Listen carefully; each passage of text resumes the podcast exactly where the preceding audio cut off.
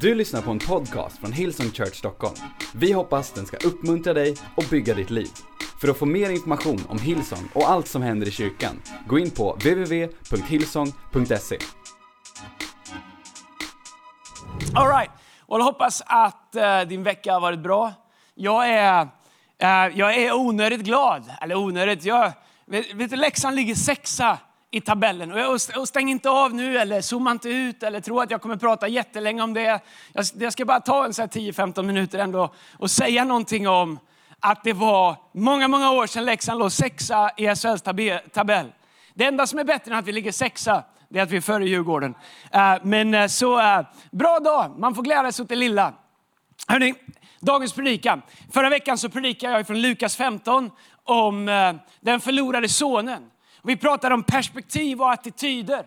Och jag hoppas och jag tror och, och har fått höra att det har varit till välsignelse för människor. Jag ska fortsätta idag och prata om, eh, tala utifrån Lukas 15.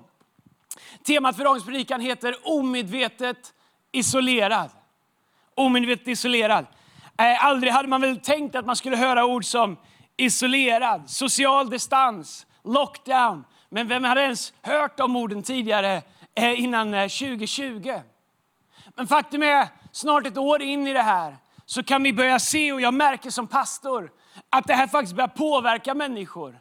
Till och med människor som inte märker att det påverkar dem. Det har påverkat mig.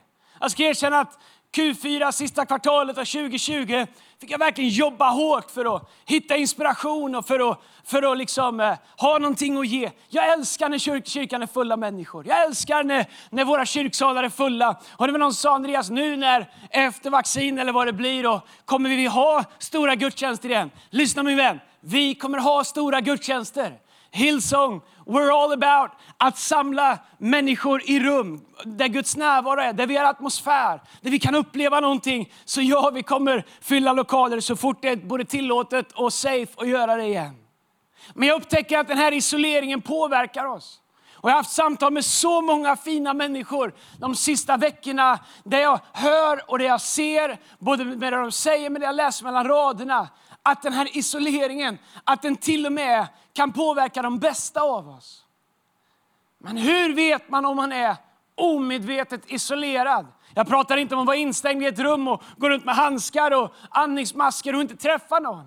Men hur vet vi när vårt hjärta eller vår spirit börjar bli omedvetet isolerad?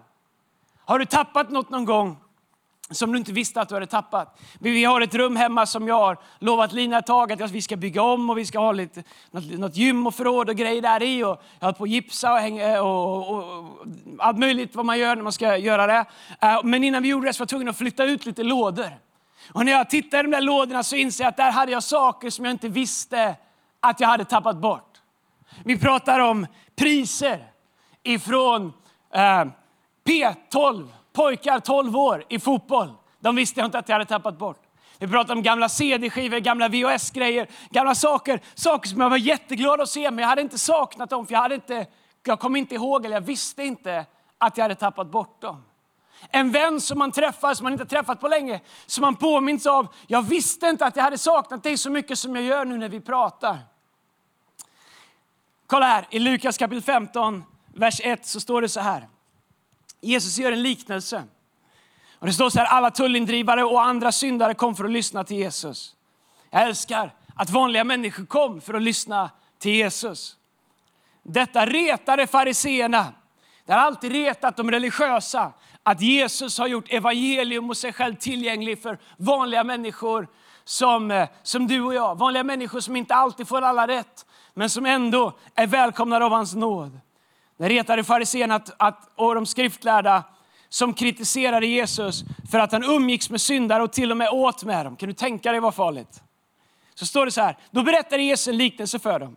Om någon av er har hundra får och upptäcker att han saknar ett av dem, lämnar han inte de 99 andra i ödemarken och letar efter det som är försvunnet tills han hittar det. När han hittar det så blir han glad och bär hem det på sina axlar. Sen samlar han sina vänner och grannar och de också kan glädjas, så att de också kan glädjas över att han hittat sitt förlorade får.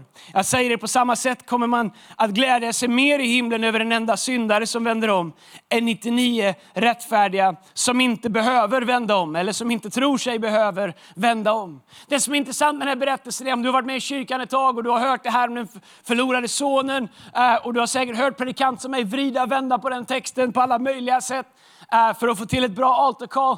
Men en sak slog mig när jag läste den här texten. Det kallas berättelsen om det förlorade fåret. Det, det, det, det är som att Jesus kallar det får och säger att det tillhör en flock. Ibland när man läser den här texten så kan man tänka att det här handlar om någon som inte känner Jesus. Det här handlar om någon som aldrig har hört till tron eller någon som, inte, eh, som bara har dratt och gjort någon syndare. Men det Jesus pratar om här är ett får. Han säger till Petrus, föd mina lamm. Det är som att Jesus säger, hej, här, här är en person som, som tillhör mig, som tillhör flocken. Men som medvetet eller omedvetet har lyckats drifta iväg. Och Jesus han säger att han lämnar de 99 fåren för att hitta det fåret som är vilse. Men det som är intressant är att han kallar det för ett får. Han säger att det är en del av en flock.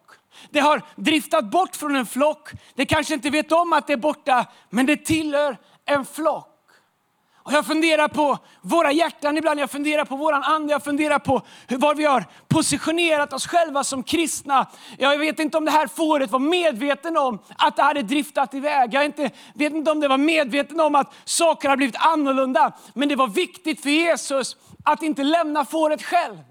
Därför att isolera det så är vi ett lätt byte för så många saker. Men tillsammans med, i den flock som Gud har kallat oss till så finns det en styrka som är eh, baserad på det vi är en del av.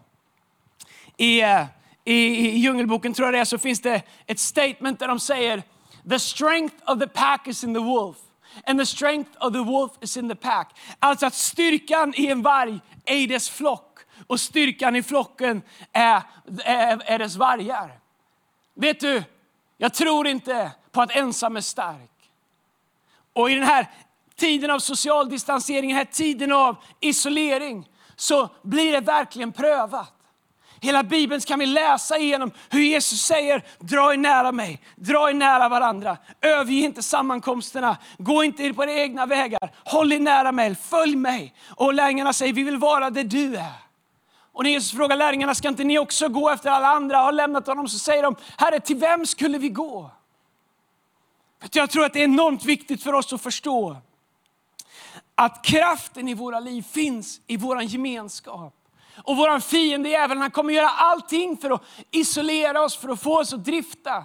Inte genom att få oss att ta stora steg eller tillåta våra hjärtan att bli isolerade, utan genom små drifter. Jag vet inte om det här fåret Jesus pratar om, om det bara en dag hoppar upp och drog, eller om det var så att det började beta längre och längre bort och helt plötsligt så, så hörde det inte när herden ropade på fåren och sa att det är dags att gå hem. För Johannes 10 står det, fåren känner herdens röst och följer den.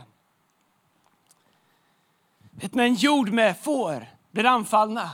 Vi har ju vargattacker i Sverige också. När en jord med får blir anfallna så är deras taktik för att försvara sig att trycka ihop sig så mycket det går. Men det fåret som lämnar jorden, som trycker ihop sig, blir ett enkelt byte för ett rovdjur, blir ett enkelt byte för en varg. Men de fåren som trycker sig ihop har en mycket större chans att kunna freda sig och avvärja attacker från rovdjur som kommer utifrån. Vet du, Gud har tänkt att vår gemenskap ska vara likadan.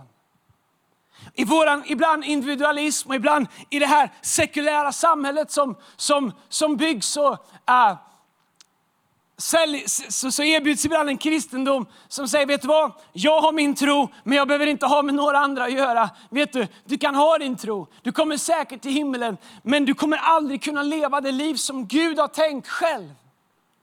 Tack gode Gud för att det finns så många människor som kanske idag inte går till en kyrka, som kanske idag inte har hittat en gemenskap, men som ändå har en tro, om så bara en barnatro, som knäpper sina händer, som ber ärliga böner till Gud, som kanske ingen vet att de är troende. Vet du, den tron är någonting, den är värdefull. Men vet du, mer än så har Gud tänkt Att vår tro ska bära oss och skydda oss i gemenskap med varandra. Hur kan vi se till att våra hjärtan och våran spirit och våra tankar inte blir omedvetet eller ofrivilligt isolerade? Jag skrev ner tre saker, tre saker jag själv har reflekterat över. Den första är, ge inte efter för isolering. Det här är inget inlägg i någon pandemidebatt. Följ alla råd, följ alla riktlinjer. Åk inte till Gran Canaria om, eller vart du nu ska åka. Sköt dig, gör allt det här. Men vet du vad? Ge inte efter för isolering på insidan. Om det är någon gång som vi behöver fightas, för jag älskar den här videon där de säger, hej, vi har connect-grupper fast på Zoom. Vi har connect-grupper fast på Facetime. Det är så enkelt att säga, ah, jag gillar inte Zoom, ah, jag får inte funka, ah, det är lite knöligt. Och sen så ger vi efter för isolering och så börjar vi låta våra hjärtan drifta. Vet du, fightas för gemenskap. Du behöver den. Om ditt inre ska vara hälsosamt, om ditt inre ska vara på en bra plats. Min vän, du behöver the pack, du behöver din jord, du behöver dina andra får, fårskallar höll jag på att säga, men dina andra får att vara tillsammans med. Men jag har upptäckt att isolering, inte minst isolering av våran spirit, av våran ande, av vårat inre, den sker gradvis. Vi slutar göra saker vi har gjort lite i taget. Vi börjar göra saker som vi aldrig har gjort tidigare. Vi börjar lyssna på röster som vi aldrig har lyssnat på tidigare. Vi, vi, vi, vi byter input istället för att lyssna på det som vi har i gemenskapen och det vi vet och det Guds ord säger. Så börjar människor säga, ibland till och med andra troende människor säga, du ska, måste du vara med där, du behöver inte göra så, ska du inte vara med här? Och, och du vet, frestelse kommer över att helt plötsligt så börjar vi göra saker som vi aldrig har gjort, lyssna på saker vi aldrig har lyssnat på, tänka tankar vi aldrig har tänkt innan. Och lite undan för undan så börjar våran spirit bli isolerad. Isolerade är vi ett enkelt byte, men tillsammans så kan vi leva i trygghet och vetskapen om att Gud, vår gode herde, kommer leda oss igenom. Det andra jag tänker på för att inte bli omedvetet isolerade, det är att låt inte tillfälliga omständigheter få bli en permanent vardag. Vet du, kan jag säga det här vi går igenom just nu, det här pandemin som vi är, det här är inte ett permanent tillstånd. Men ju längre tiden går, ju enklare är det att, att sluta tänka att det här är tillfälligt. Och faktiskt börja bygga sitt liv utifrån så som vardagen ser ut nu. Jag har pratat om det tidigare, om vilka vanor vi bygger. Att de vanor som vi bygger kommer bygga vårt liv. Om du bygger dåliga vanor så kommer de dåliga vanorna bygga ditt liv på det sättet. Om du bygger bra vanor så kommer dina bra vanor bygga ditt liv på det sättet. Våra vanor, våra ritualer, det som vi gör i livet är det som bygger vårt liv.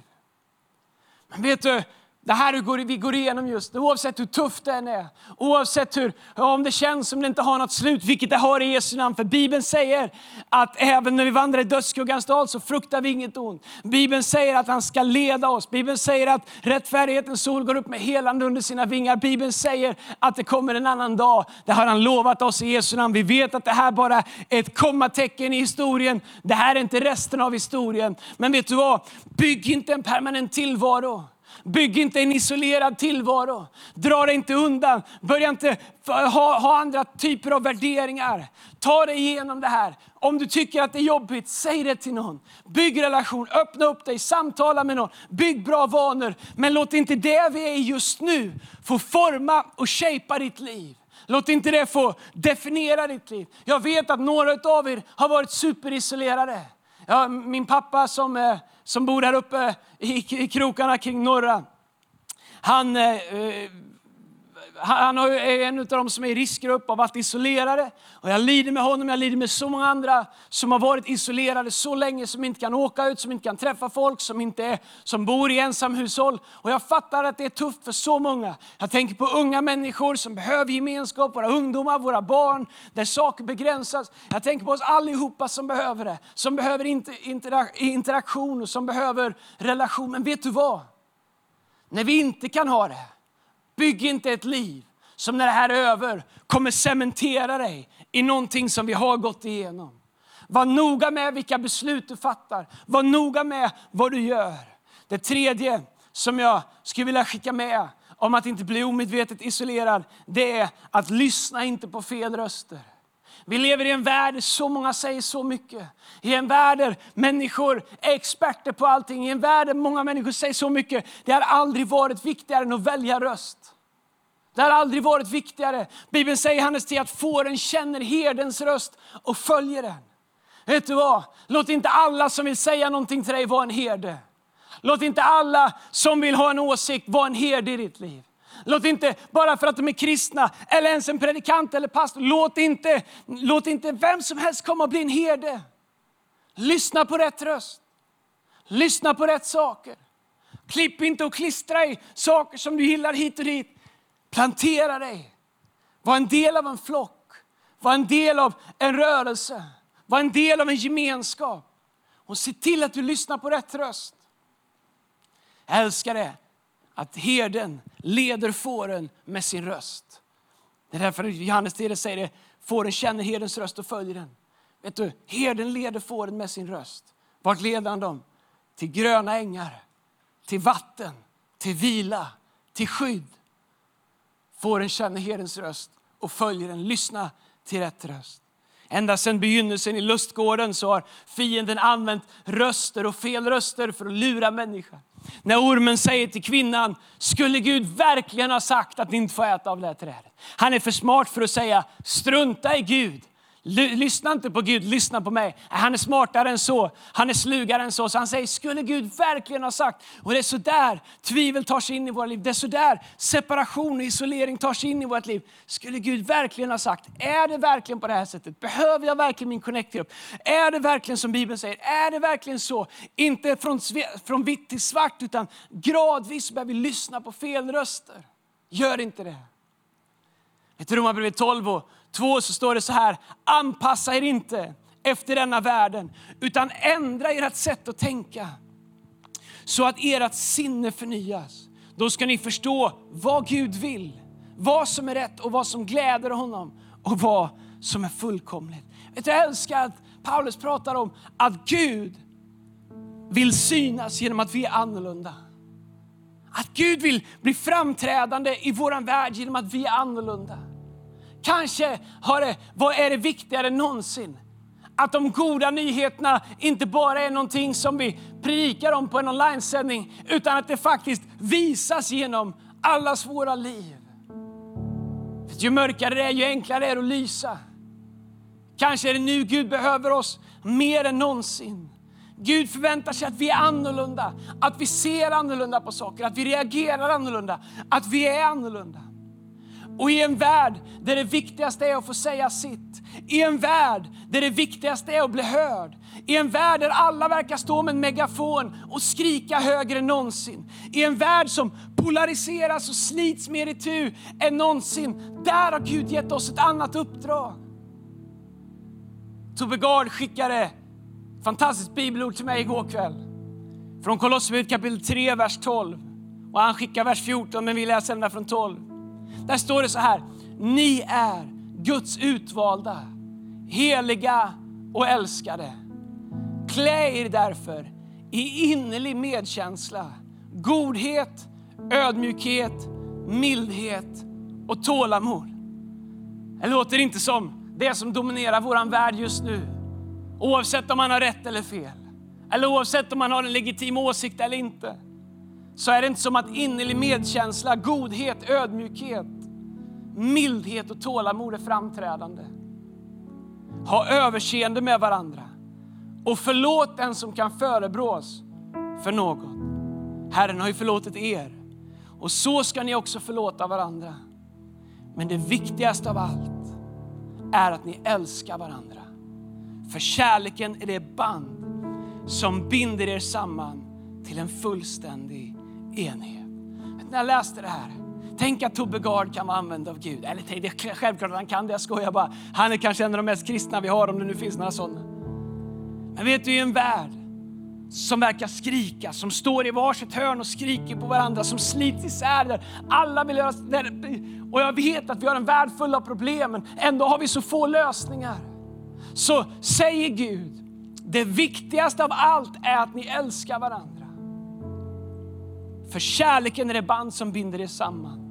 Viktigare är att ni älskar varandra. Viktigare än att säga sitt är att älska varandra. Viktigare än att faktiskt bli hörd när man skriker är att älska varandra. Viktigare än att skrika ut sina åsikter är att älska varandra. Viktigare än att söndra och polarisera är att älska varandra. Viktigare än att dra sig undan är att älska varandra.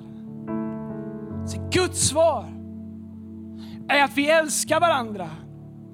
För kärleken är det band som binder oss samman. Guds vilja är att vi ska vara bundna tillsammans. Inte isolerade, inte separerade. Inte ens genom att vi ser saker olika, tycker olika, förstår olika, har insikt om olika saker.